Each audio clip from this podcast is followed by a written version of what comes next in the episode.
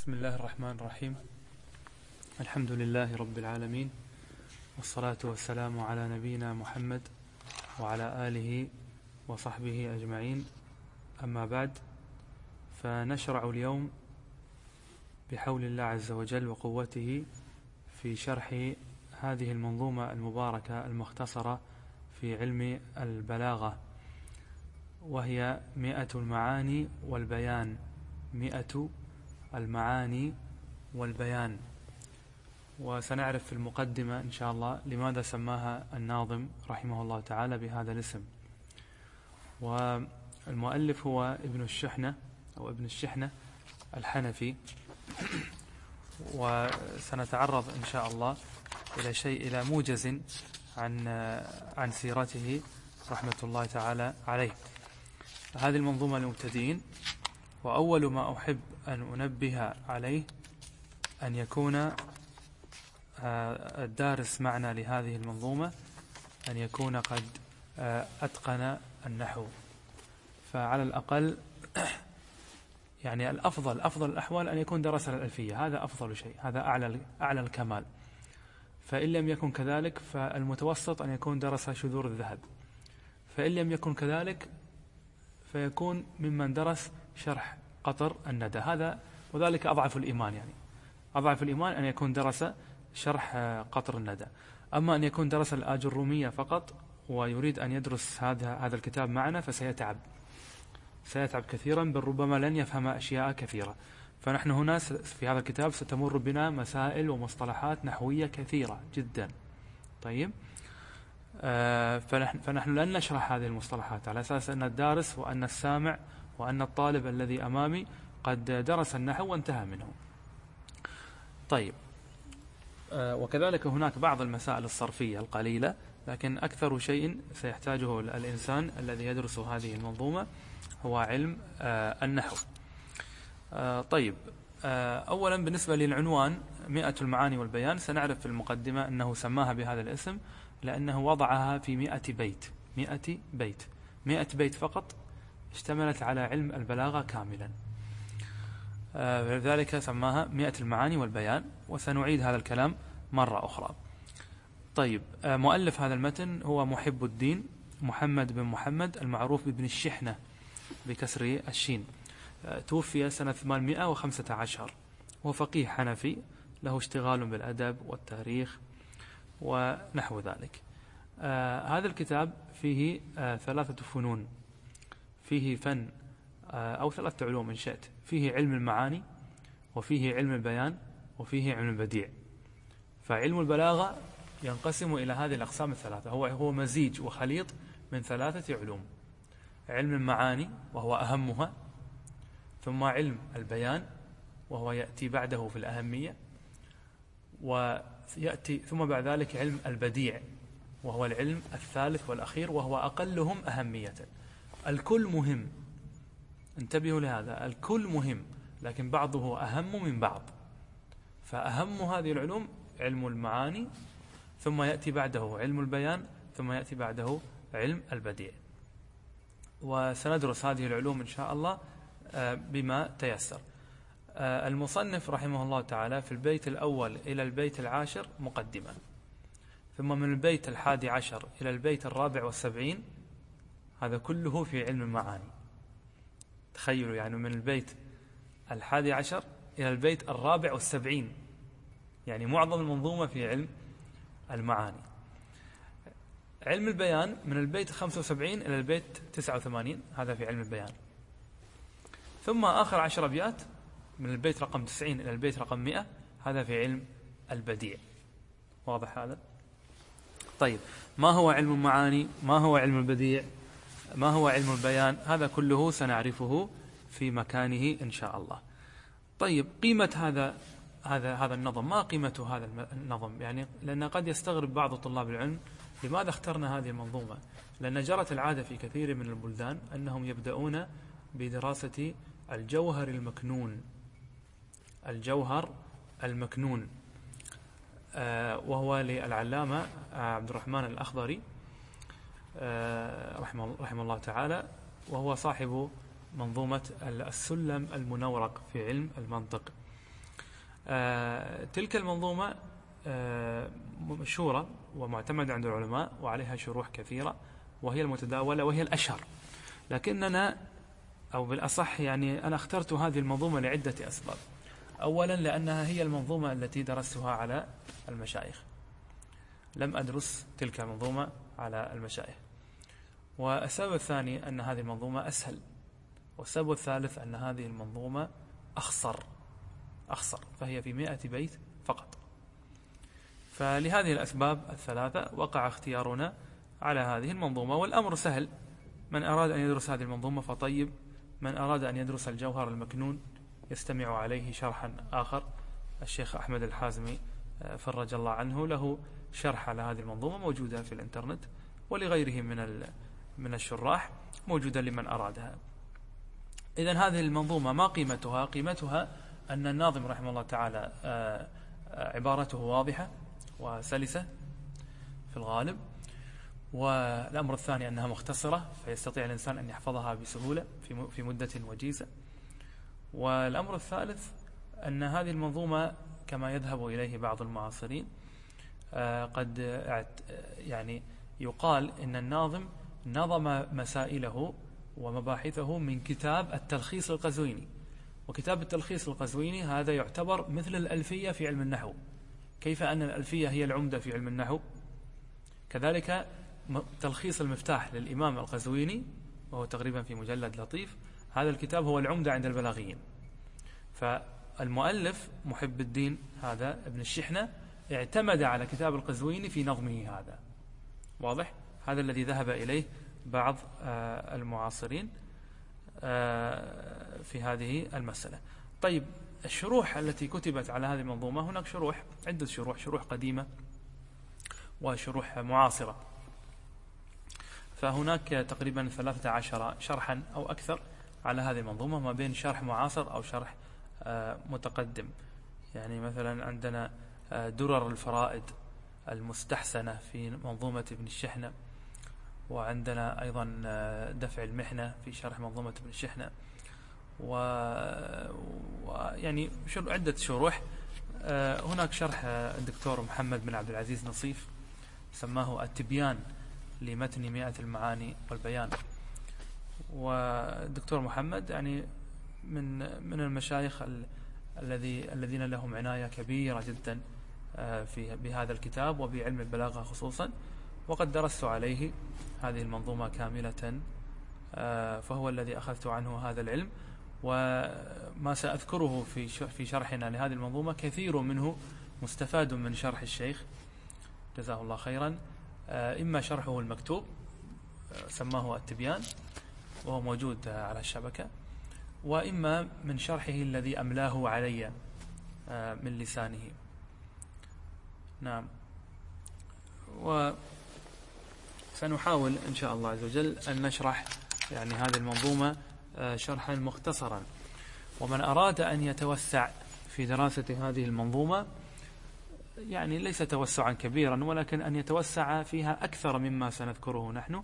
فأنصحه بعد أن ينتهي من سماع شرح هذا أن يستمع إلى شرح الشيخ أحمد الحازمي وفقه الله. على هذه المنظومة فشرحه جيد ويتوسع فيه قليلا أكثر مما سنتوسع أكثر مما سنشرحه آه، نحن. نعم. يقول آه، نبدأ الآن في المنظومة. يقول الناظم رحمه الله تعالى بسم الله الرحمن الرحيم. بدأ بالبسملة على عادة العلماء. آه، ثم ثنى بالحمد لله فقال الحمد لله وصلى الله على رسوله الذي اصطفاه اصطفاه يعني اختاره محمد وآله وسلم. وبعد وهذه كلمة يؤتى بها للانتقال قد أحببت أن أنظم أن أنظم. وفي نسخة أخرى وبعد قد أحببت أني أنظم. وهذه النسخة الثانية فيها إشكال نحوي فلذلك لا نريدها. والذي النسخة التي نريدها هي أن نقول وبعد قد أحببت أن أنظم يعني أن أنظم. أن أنظم ماذا؟ في علمي البيان والمعاني أرجوزة. يعني أريد نعم. ماذا أحب الناظم أن ينظم؟ قال أحببت أن أنظم يعني أن أنظم أرجوزة في علمي البيان والمعاني.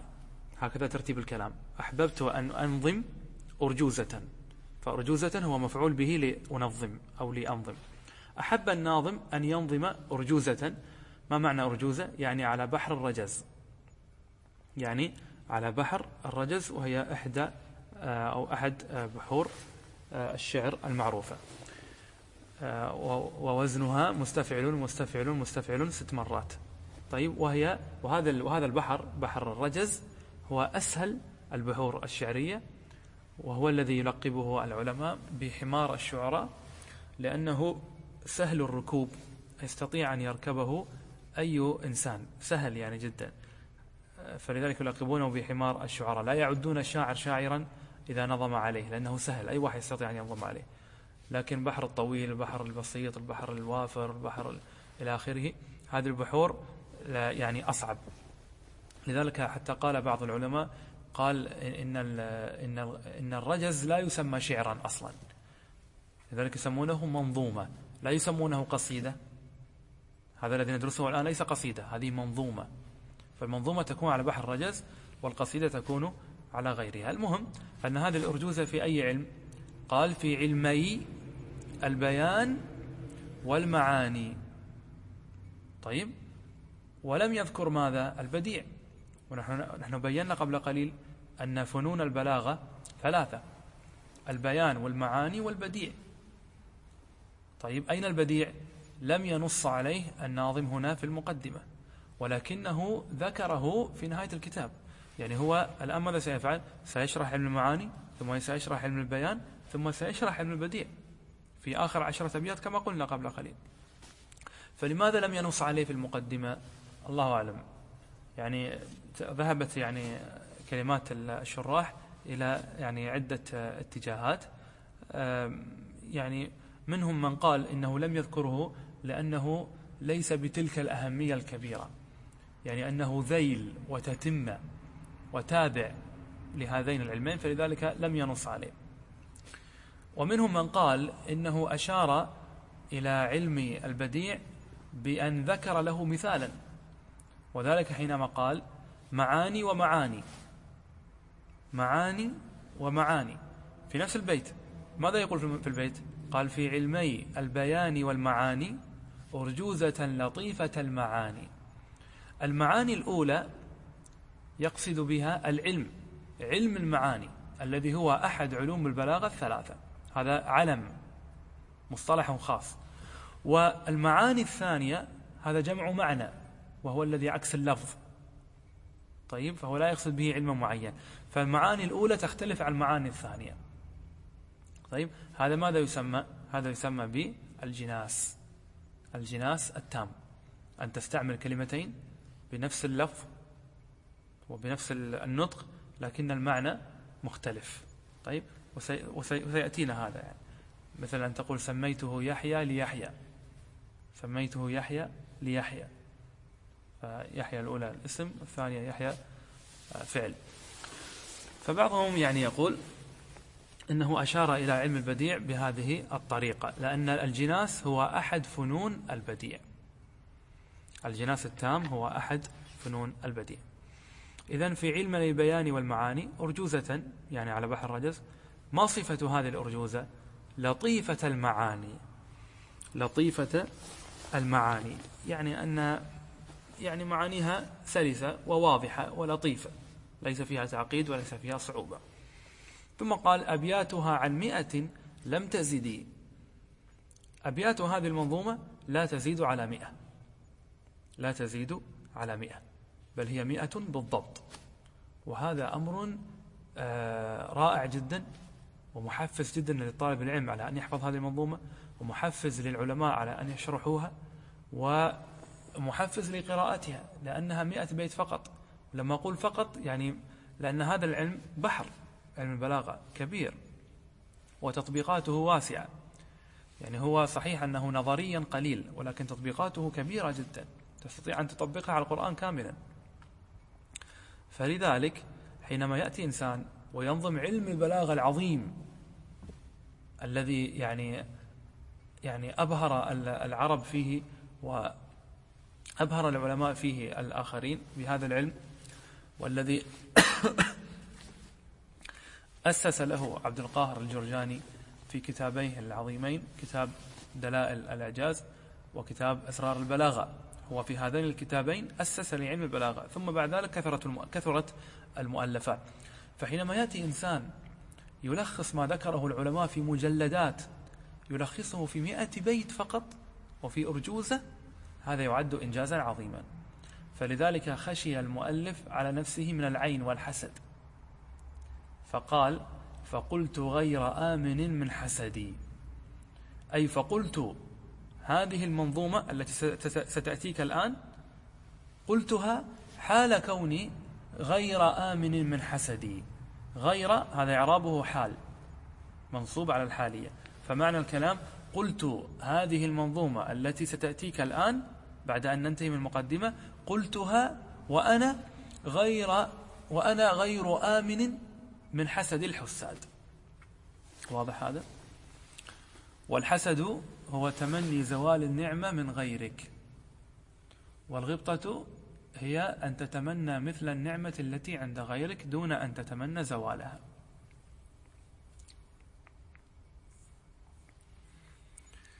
نعم. إذا هذه آه، مقدمة النظم. تسمى بمقدمة النظم.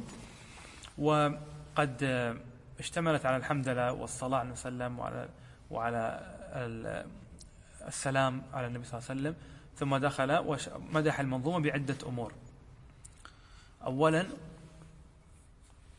مدحها بأنها لطيفة المعاني. طيب. ومدحها بأنها بأن أبياتها مئة بيت فقط يعني مدحها باختصارها. نعم. والأمر الثالث مدحها بأنها أرجوزة والأرجوزة هي أسهل البحور كما قلنا. هذه ثلاث مرغبات في هذه المنظومة منظومة. أنها أرجوزة أنها لطيفة المعاني أن أبياتها قليلة وهي مئة. نعم. فقلت غير آمن من حسدية. انتهينا من مقدمة النظم. ندخل في مقدمة العلم يعني مقدمة علم البلاغة. في هذه الأبيات القادمة من البيت الخامس إلى البيت الثامن سنتكلم عن ثلاثة أمور. الأمر الأول الفصاحة. ما هي الفصاحة؟ الأمر الثاني البلاغة. الأمر الثالث تعريف الصدق والكذب.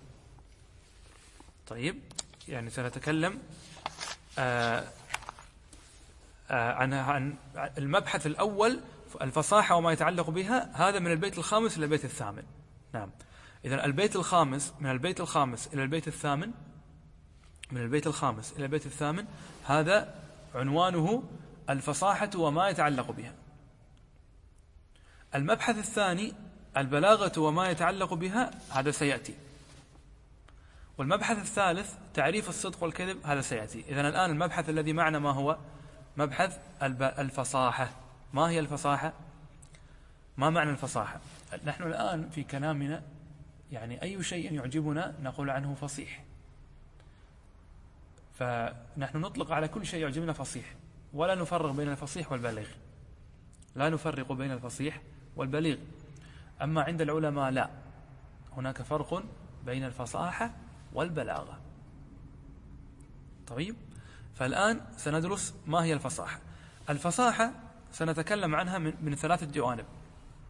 فصاحة الكلمة فصاحة الكلام فصاحة المتكلم.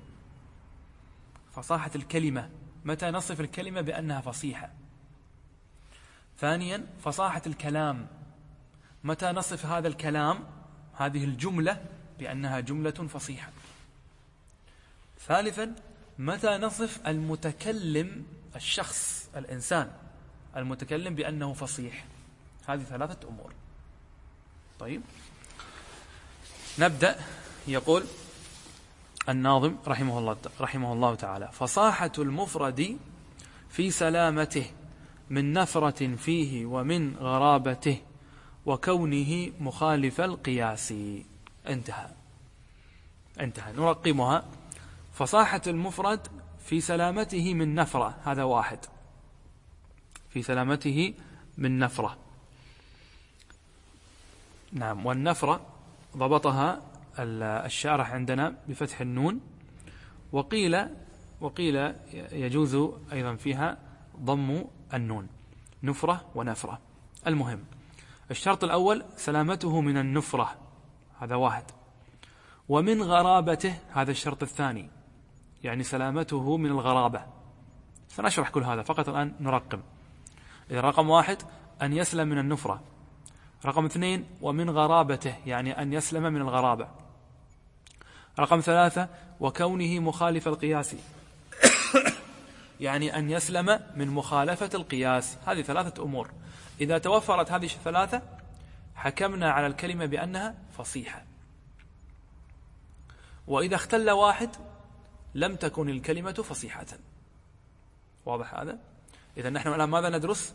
ندرس فصاحة الكلمة متى تكون الكلمة فصيحة؟ إذا توافرت فيها هذه الثلاثة السلامة من النفرة السلامة من الغرابة السلامة من مخالفة القياس نشرح الآن هذه الثلاثة مع ضرب مثال أو مثالين لكل واحد من هذه الثلاثة طيب الشرط الأول قلنا أن تسلم الكلمة من التنافر بين الحروف ما هو التنافر؟ هو وصف في الكلمة يوجب ثقلها على اللسان وعسر النطق بها. مثال ذلك كلمة هع خع كلمة هع خع فمجيء الهاء هكذا ثم عين بعدها ثم خاء ثم عين بهذا التركيب بهذا الترتيب يوجب الثقل على اللسان ويسبب تنافرا بين الحروف. واضح هذا؟ فهذه الكلمة ما معناها هذه كلمة عربية يعني هذه كلمة غير فصيحة. كلمة عربية غير فصيحة. لأن نحن بعض الناس عنده كل كلام عربي فهو فصيح. لا. لذلك الآن إيش يقولون يقولون اللغة العربية الفصحى. طيب اللغة العربية الفصحى. فكل يظنون أن كل كلام عربي فهو من اللغة الفصحى. لا. الكلام العربي فيه فيه كلام فصيح فيه كلام غير فصيح. المهم. فالآن الهوع خوع معناه عند العرب هو المرعى. المرعى الذي ترعاه الشاء هذا يقال له هوع خوع هذه الكلمة غير فصيحة. لماذا؟ لأن فيها تنافرا بين حروفها. واضح؟ واضح؟ طيب. الشرط الثاني الغرابة في معناها. أن تكون الكلمة غريبة في معناها. بمعنى أنك عندما عندما يسمعها العربي عندما يسمعها العربي الفصيح طيب لا يعرف معناها مباشرة. يحتاج إلى التأمل يحتاج إلى التفكر يحتاج إلى بحث يحتاج إلى عندما يسمعها مثلا عالم في العربية يحتاج إلى أن ينظر في القواميس والمعاجم حتى يعرف معناها. نعم يعني بأن تكون الكلمة وحشية غير مألوفة ولا مأنوسة بل تكون مهجورة عند العرب. تحتاج إلى القواميس. والعبرة بمن؟ ليس العبرة بي ولا, بي ولا بكم. لأن نحن ضعفاء في اللغة العربية. نحن نحتاج يعني سنين حتى نتمكن من اللغة العربية. ليست العبرة بنا نحن. العبرة بالعرب العرباء. العرب الفطاحل. العرب الذين هم على عربيتهم القوية. هؤلاء إذا استنكروا كلمة فمعناها أن فيها مشكلة. طيب. نعم.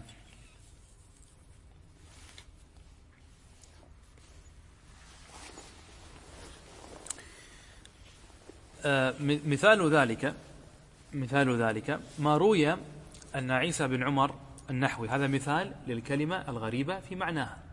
طيب. أن عيسى بن عمر النحوي سقط عن حمار له فاجتمعت عليه الناس فقال ما لكم تكأكأتم علي تكأكؤكم على ذي جنة اثرنقعوا طيب.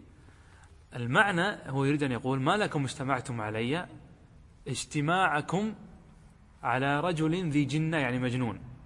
ثم قال فرنقعوا يعني تنحوا. طيب. فالتكأكؤ والفرنقاع هذه كلمات مهجورة وحشية غير مستأنسة وغير مألوفة عند العرب. واضح هذا؟ نعم.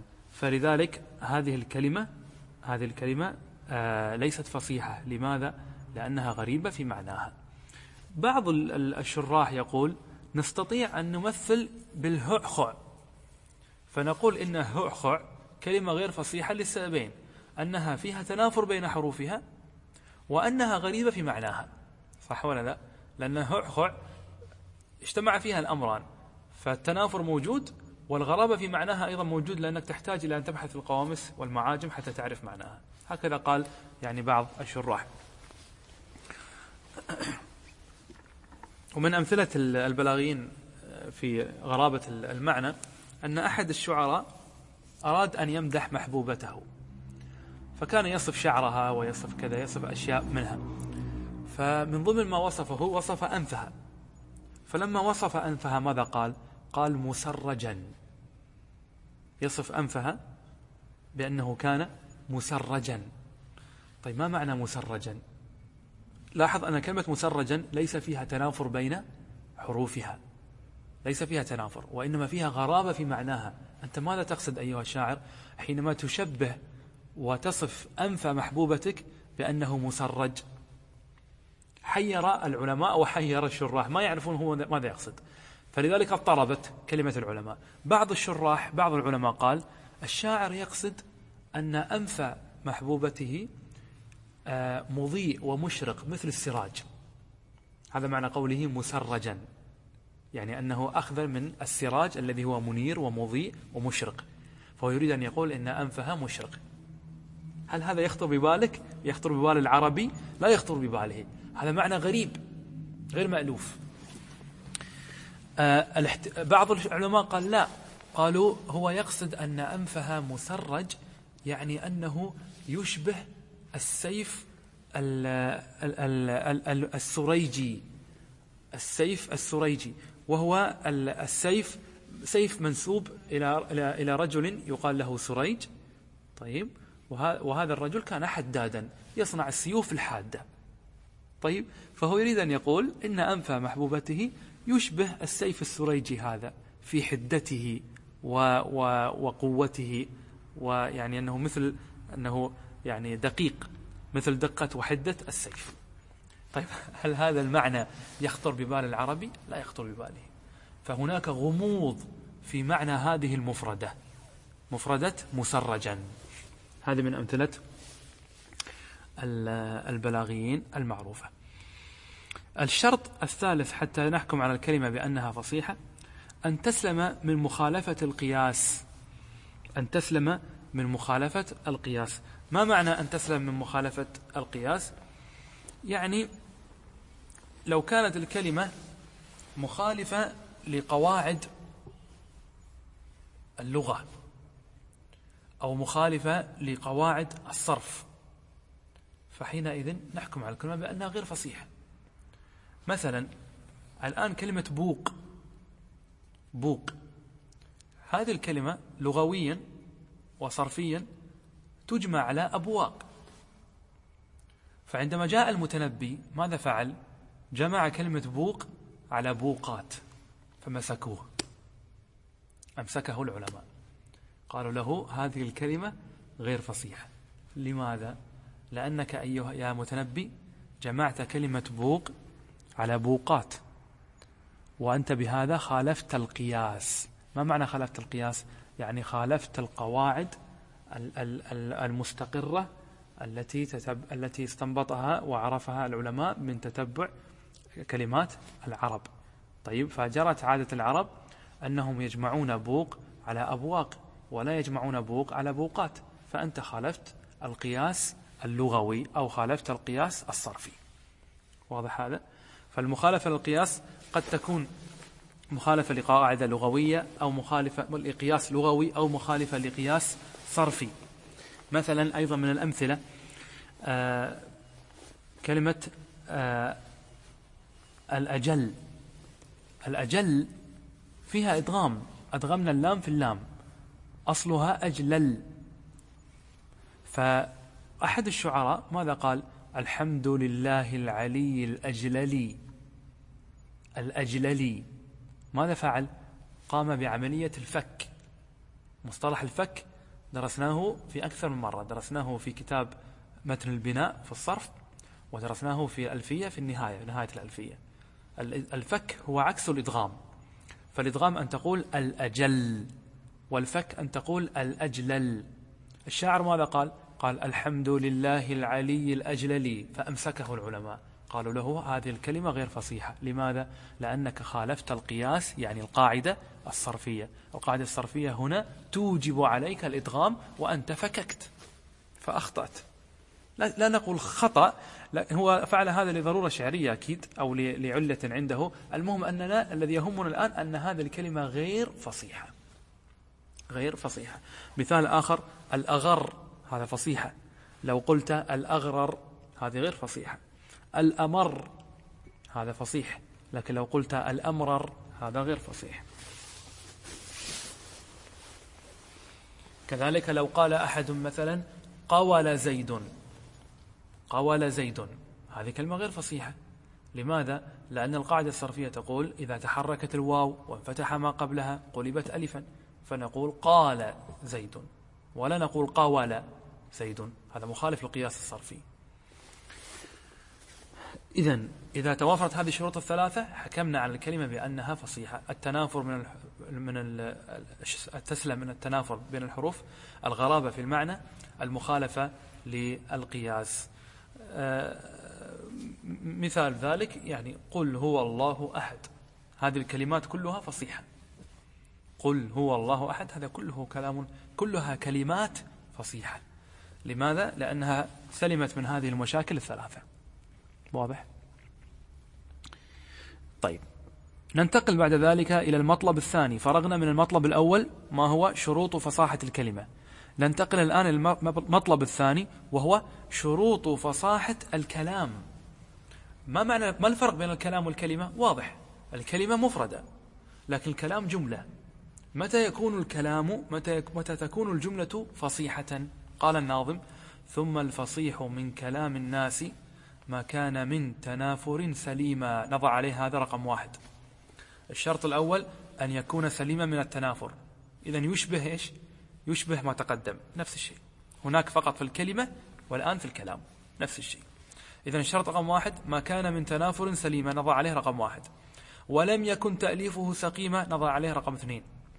وهو من التعقيد أيضا خالي. نضع عليه رقم ثلاثة. طيب. الشرط الأول ما كان من تنافر سليمة يعني أن تكون الكلمات التي كونا بها الجملة ليست متنافرة. بمعنى أن ممكن تكون الكلمة واضحة ومعناها واضح لكن وضعها بهذا الترتيب وبهذا السياق يوجب لنا ثقلا. يقول الشارح بحيث يكون مجموع الكلام متنافرا ثقيلا في نطقه رغم أن الكلمات المفردة التي كونت كونت ذلك الكلام ليس فيها تنافر. كيف يعني؟ هذا مثل مثل ما يأتي الآن في الأمثال الشعبية الآن. في الأمثال الشعبية والدارجة. يقولون لك يعني قل ليرة وراء ليرة ليرة وراء ليرة طيب. يقولون قلها خمس مرات بدون ما تغلط بسرعة. في المسابقات حق الأطفال وكذا يقولونها. هذا مثاله. هذا مثاله. فالآن كلمة ليرة هل فيها مشكلة؟ ما فيها مشكلة. كلمة ليرة ما فيها تنافر بين حروفها ولا فيها غرابة في معناها وليس فيها مخالفة لأي قياس. وكلمة وراء ما فيها مشكلة. وكلمة ليرة الثانية أيضا ما فيها مشكلة. لكن عندما وضعتها أنت بهذا الترتيب بهذا السياق هذه وراء هذه وهذه وراء هذه صارت ثقيلة على اللسان. ما تستطيع تقولها خمس مرات بدون ما تغلط بسرعة. واضح؟ فنفس الفكرة الآن هذا البيت الشعري المعروف عند البلاغيين الذي يقول بعض العلماء إنه إن الشاعر الذي قاله كان من الجن وليس من الإنس. يقول هذا بعض العلماء يعني. يقول وقبر حرب بمكان قفر وليس قرب قبر حرب قبر. وقبر حرب بمكان قفر. وليس قرب قبر حرب قبر. طيب فالآن تلاحظ كلمة قرب كلمة جميلة ما فيها شيء فصيحة. كلمة قبر كلمة فصيحة. كلمة حرب فصيحة. فما ما المشكلة؟ المشكلة أنك حينما وضعت قرب جنب قبر. وضعت حرب جنب قبر. ووضعتها بهذا السياق صارت صار قراءتها صارت قراءتها ثقيلة على اللسان. لذلك لو أردت أن تكررها ثلاث مرات أو أربع مرات بسرعة وراء بعض بدون ما تغلط ستجد أن لسانك يعسر عليه. وليس قرب قبر حرب قبر. واضح هذا؟ هل هذا الكلام هل هذا الكلام فصيح؟ لا. هل كلمات هذه الجملة فصيحة؟ نعم. الكلمات فصيحة. كلمة قبر فصيحة كلمة قرب فصيحة. كلمة كلمة ليس فصيحة. ولكن الكلام كاملا ليس فصيحا. لأن من شروط فصاحة الكلام أن يكون خاليا من التنافر. وهنا يوجد تنافر. واضح هذا؟ الشرط الثاني ولم يكن تأليفه سقيما. لم يكن تأليفه يعني تأليف الكلام. إيش يعني تأليف الكلام؟ يعني تركيب الكلام. لم يكن سقيما يعني مريضا. إيش يعني لم يكن سقيما أو مريضا؟ يعني لم يكن مخالفا لقواعد النحويين. هذا معنى الكلام السقيم هو الكلام المخالف لقواعد النحويين. فمن شروط فصاحة الكلام أن يكون وفق قواعد النحويين. فإن خالفت المشهور عند النحويين أو المقرر عند جمهور النحويين فأنت قد جئت بكلام غير فصيح. مثال ذلك. مثال ذلك. لو قلت مثلا ضرب ضرب غلامه زيدا. ضرب فعل وغلامه فاعل وهو مضاف والهام مضاف إليه وزيدا مفعول به. هذا الكلام غير فصيح. لماذا؟ لأن غلامه كما درسنا في النحو هذه المسألة درسناها كثيرا في النحو درسناها في أكثر من كتاب. اشتمل الفاعل وهو غلامه على إيش؟ اشتمل على ضمير. هذا الضمير يعود على من؟ على المفعول به. هذه مشكلة. لماذا؟ لأن الضمير هنا لو تذكرون في النحو. لذلك أنا أكدت في أول الدرس لابد أن يكون الطالب درس النحو جيدا. لن أشرح المسائل النحوية هنا. المشكلة عندنا في هذا المثال أن الضمير الذي جاء مع الفاعل وهو غلامه هذا الضمير يعود على المفعول به. طيب ما المشكلة؟ المشكلة أن الضمير عاد على شيء متأخر لفظا ورتبة. وهذا ممنوع عند جمهور العلماء. ما معنى لفظا؟ يعني أنه لفظ متأخرا. ما معنى رتبة؟ يعني أن رتبة المفعول به التأخير ورتبة الفاعل التقديم. فعود الضمير على شيء متأخر لفظا ورتبة هذا قبيح عند جمهور النحاة حتى ولو أجازه بعض العلماء لا نلتفت إليه.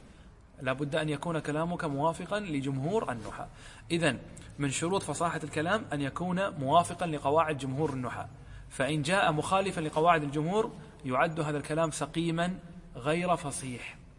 هذا معنى قوله ولم يكن تأليفه سقيما. الشرط الثالث وهو من التعقيد أيضا خالي.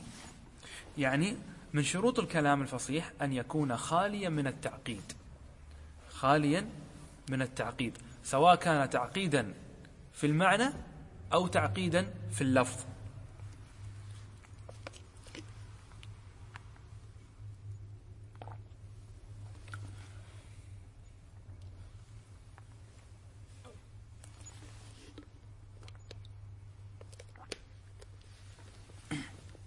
نعم.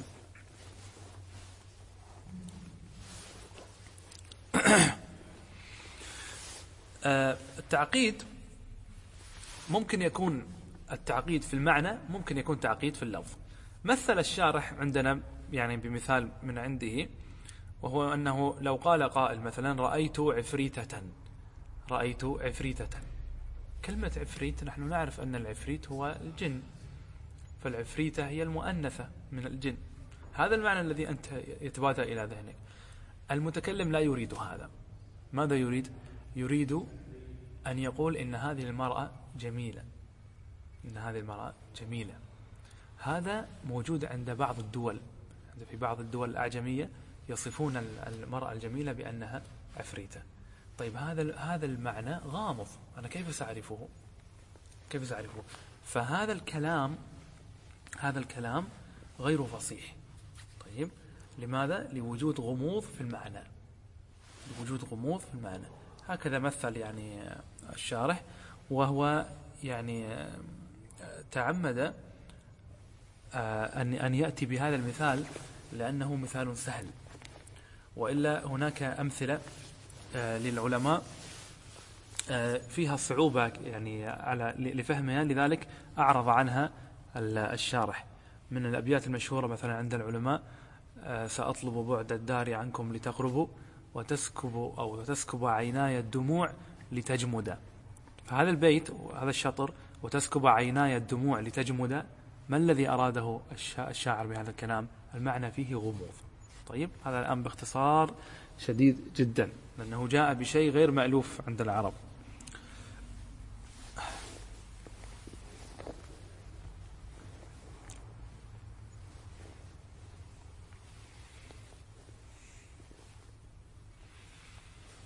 وإن أردتم أن, أن, أن تعرفوا ما هو الإشكال يعني باختصار شديد في هذا البيت. هذا البيت وتسكب عيناي الدموع لتجمد. طيب. باختصار شديد جدا. جمود العين عند العرب هو كناية عن قسوة القلب. يعني قال يعني عين جامدة يعني قلب قاسي. طيب. الشاعر ما يريد هذا. وإنما قصد بجمود العين كناية عن الفرح. كناية عن الفرح. أنه يعني عينه جامدة يعني لا تبكي. هو يريد أن يقول أنا أنا سعيد. طيب هذا المعنى لا تعرفه العرب. العرب العرب عندما تقول إن فلانا عينه جامدة يعني لا يبكي لا تنزل منه الدموع هذا كنايه عن قسوة عن قسوة القلب. الشاعر أراد كأنه أراد المعنى العكسي. يريد أن يقول أنا سعيد. لذلك عيني لا تدمع. طيب فهذا المعنى كيف نعرفه؟ هذا غامض. هذا المعنى فيه غموض طيب هذا التعقيد يعود إلى المعنى. أما التعقيد الذي يعود إلى اللفظ فهو أن تكون الألفاظ واضحة ولكن طريقة تركيبك لها تسبب غموضا. مثل له بقول الشاعر نعم وما مثله في الناس إلا مملكا هذا كلام طبيعي ما في شيء. شوف الآن الغموض. أبو أمه حي أبوه يقاربه. أبو أمه حي أبوه يقاربه. ماذا يريد أن يقول الشاعر؟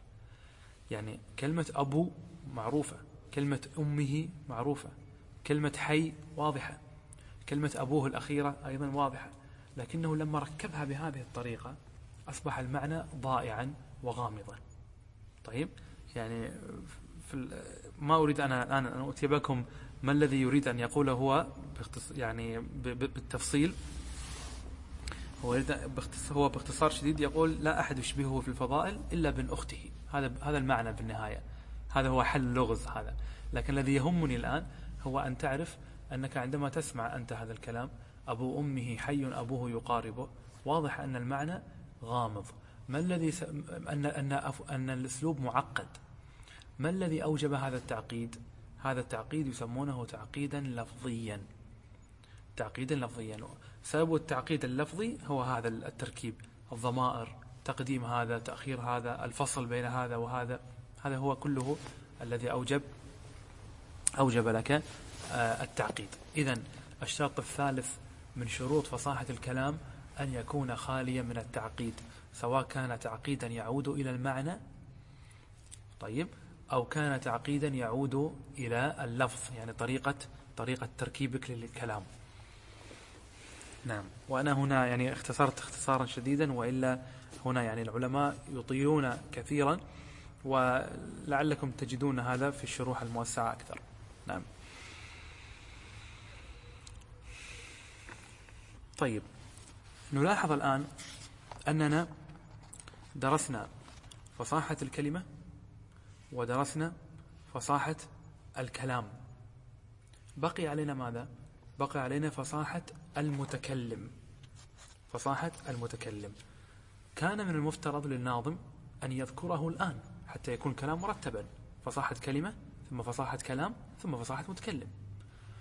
لكنه لم يفعل ذلك للأسف. ماذا فعل؟ دخل في مبحث البلاغة. فسيبين لك الآن من هو البليغ من هو المتكلم البليغ وما هو الكلام البليغ. طيب ثم سيرجع مرة أخرى ويبين ما هو من هو المتكلم الفصيح. طيب فنحن ماذا سنفعل؟ حتى يكون الكلام مرتبا نريد أن ننتهي من موضوع البلاغة. سنقفز سنقفز عند عند قوله وبالفصيح من يعبر تصفه. نعم. رأيتم هذا البيت؟ وبالفصيح من يعبر تصفه. هذا الشطر هو حتى تكتمل القسمة الثلاثية فصاحة الكلمة درسناه فصاحة الكلام درسناه فصاحة المتكلم من الرجل الذي يوصف بأنه فصيح؟ قال الناظم وبالفصيح من يعبر تصيفه. يعني أن الرجل الذي يعبر بالكلام الفصيح نصفه بأنه فصيح. واضح هذا؟ الرجل الذي يعبر بالكلام الفصيح نصفه بأنه فصيح. وبهذا نكون قد انتهينا من أقسام الفصاحة الثلاثة.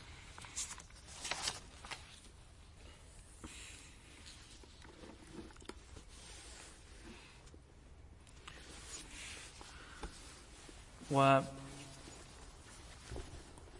في هذا القزويني رحمه الله تعالى في كتابه تلخيص المفتاح يقول ملكة يقتدر بها على التعبير عن المقصود بلفظ فصيح. يعني أن أن الرجل الفصيح هو الذي يملك مهارة. إذا عبر عن الكلام الفصيح مرة واحدة لا نقول له فصيح. عبر عنه مرتين لا نقول له فصيح. ثلاث مرات لا نقول عنه فصيح. متى نقول له فلان فصيح؟ إذا كان هذا الشيء ملك عنده عنده مهارة. هذا الشيء منغرس في نفسه. عنده مهارة وعنده ملكة يقتدر بها. أن يعبر عن مقصوده بألفاظ فصيحة. في أي وقت يستطيع أن يفعل ذلك. واضح هذا؟ مش تكون رمية من غير رامي أو تكون أحيانا. فهذا لا يقال له فصيح. مثل الآن لو أنت الآن أصلحت باب البيت. أصلحت الباب. هل هل نقول لك أنت نجار؟ ما نقول لك أنت نجار. كونك أصلحت الباب مرة أو مرتين لا تصبح نجارا. واضح؟ فكذلك لو أنت الآن زرعت شجرة واحدة في البيت أو شجرتين ما نقول لك زراع. متى تكون زراعا أو نجارا أو طبيبا أو مهندسا؟ إذا كان عندك ملكة عندك مهارة عندك خبرة تستطيع أن تتقن هذه الأشياء. كذلك الرجل الفصيح.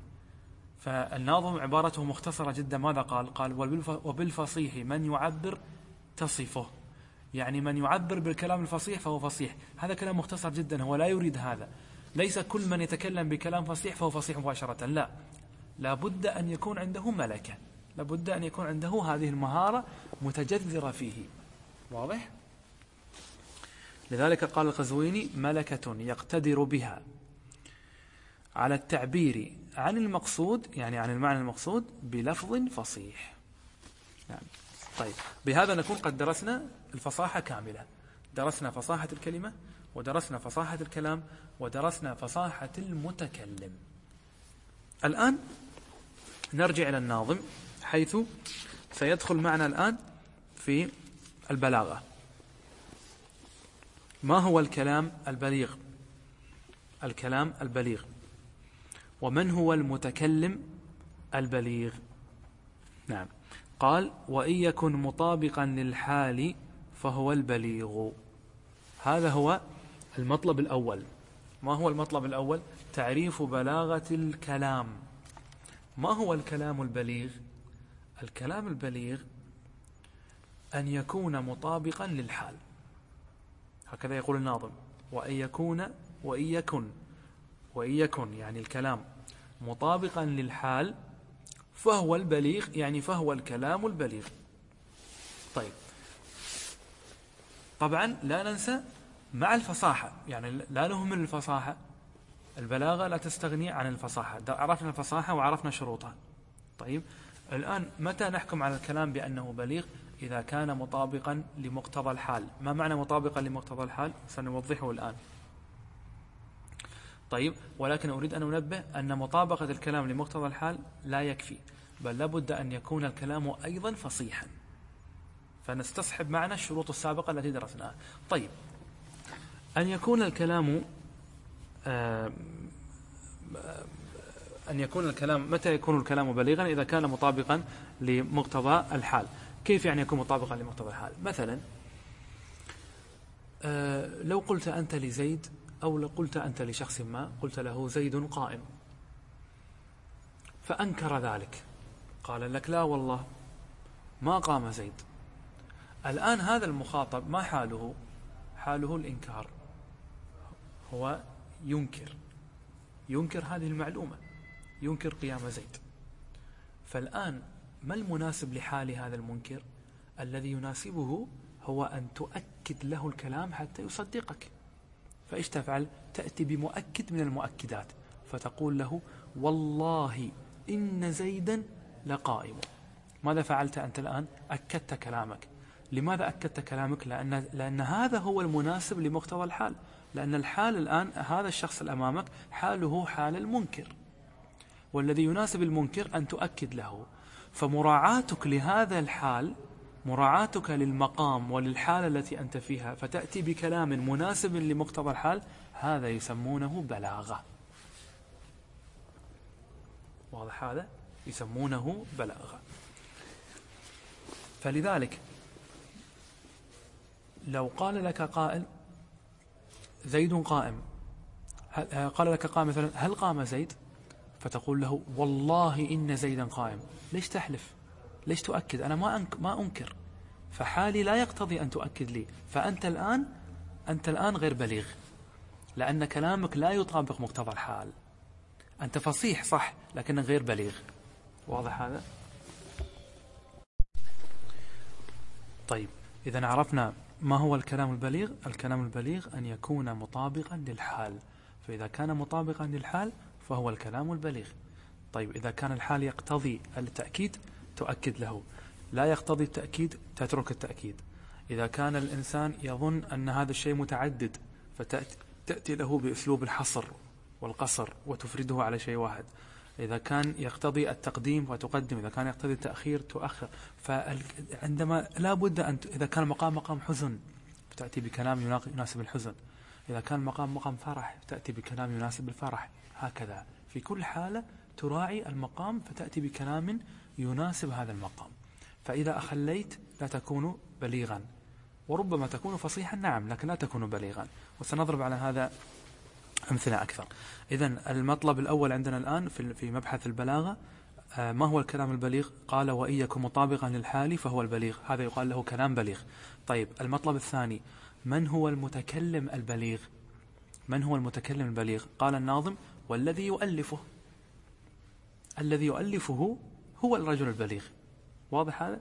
يعني الذي يؤلف الكلام البليغ فهو رجل بليغ. واحد زاد واحد أو اثنين. واضح؟ طيب لكن نقول في هذا يا إخوان مثل ما قلناه قبل قليل في الفصاحة. هل كل من تكلم بكلمة كلمتين فصيحة فهو فصيح؟ لا. هل كل من تكلم بكلمة كلمتين بليغة أو بكلام أو بكلامين بليغ فهو بليغ؟ لا. لابد أن يكون عنده إيش؟ بتعبير القزويني. أن يكون عنده ملكة. إيش يعني ملكة؟ يعني مهارة. ملكة يعني شيء نفسي شيء يكون في النفس. طيب ملكة يقتدر بها من تأليف الكلام البليغ. فما يكفي إن مرة أو مرتين واضح هذا؟ لابد أن يكون عنده مهارة. وبتعبير القزويني ملكة. ما معنى ملكة؟ يعني صفة راسخة في نفسه. مش اليوم يكون بليغ وبكرة نجيه ما يكون بليغ. لا ما ينفع. لابد يكون هذا الشيء راسخ متجذر فيه. نعم. طيب. آه نعم. آه وبالفصيح من يعبر تصفه هذا هذا فرغنا منه. طيب. آه هنا فقط أحب أن نختم الدرس ببيان أهمية مراعاة مقتضى الحال. نحن عرفنا أن الحال مهم جدا لأنك إذا عرفت الحال ستأتي بالكلام مطابقا له. ما تعريف الحال؟ الحال عند العلماء عند علماء البلاغة هو الأمر الداعي إلى التكلم على وجه مخصوص. يعني أنا عندما قبل قليل أكدت كلامي فقلت إن زيدا قائم ما الذي دعاني إلى أن أؤكد؟ هو هذا الحال. هذا الحال هو الأمر الذي دعا المتكلم إلى أن يأتي بكلامه على شكل معين على وجه مخصوص. هذا تعريف الحال. طيب مثلا إنسان آه، رأى أسدا سيأكل إنسانا.